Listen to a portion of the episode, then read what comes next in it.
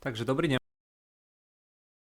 Vážení poslucháči, v mene spoločnosti XTB vás zdravím eh, na ďalšom videu v rámci našej výsledkovej sezóny. Eh, dnes teda budeme pokračovať ďalšou zaujímavou spoločnosťou, ktorou bola čínska Alibaba. Tie čínske akcie celkovo to mali posledné mesiace dosť eh, ťažké alebo dosť, dosť problémové a opäť sa teda potvrdilo, že tie firmy pekne zarábajú, že dosahujú pekné zisky, pekné tržby a že tie problémy, ktoré tie spoločnosti väčšinou majú, nie sú teda finančné, ale sú hlavne politické. Takže Poprosil by som každého, aby ste si prečítali tento disclaimer a môžeme ísť pomaličky na tie výsledky, e, ktoré, ako už som spomínal, boli relatívne dobré, keďže spoločnosť Alibaba dosiahla zisk na akciu 2,57 e, amerického dolára. Oni to reportovali e, v domácej mene, ale ja som to teda prehodil alebo prerátal, vyreportoval v amerických dolároch. Očakávalo sa tam zhruba 2,24 amerického dolára, takže tie reálne zverejnené čísla boli vyššie o zhruba 15%.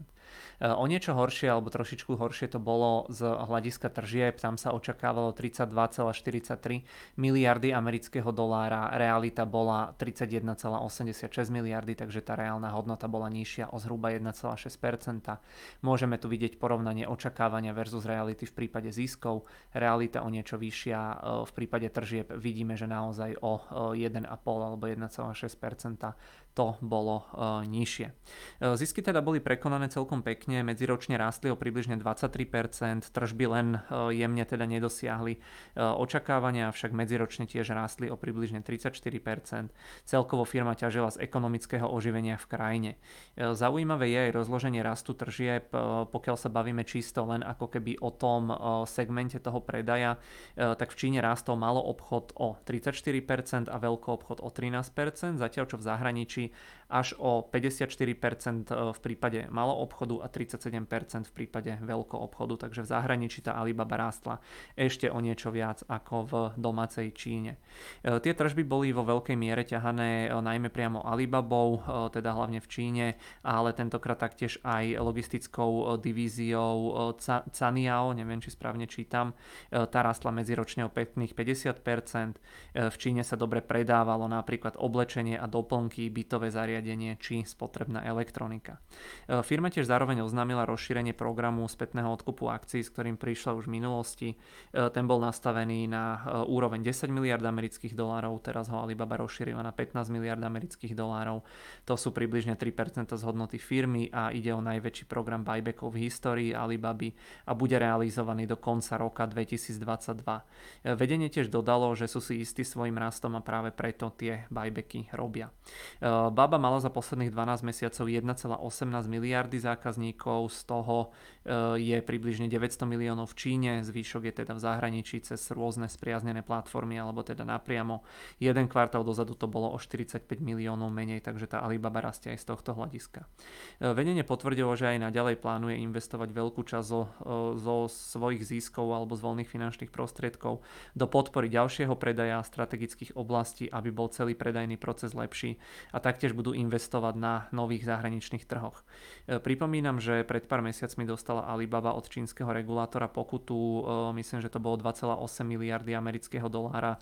E, len pre predstavu bol teraz net income za tento kvartál, myslím, 5,5 miliardy, takže zhruba dajme tomu nejaký 1,5 alebo dvojmesačný e, zisk e, bola teda tá pokuta.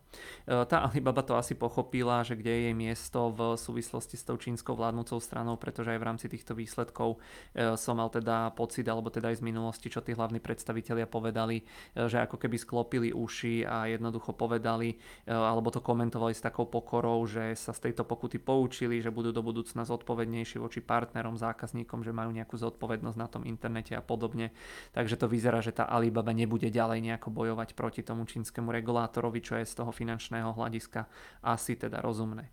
E, pokiaľ som sa správne dočítal, tak za posledný rok bol predaný tovar za 1,24 bilióna amerických dolárov takže dosť veľký objem.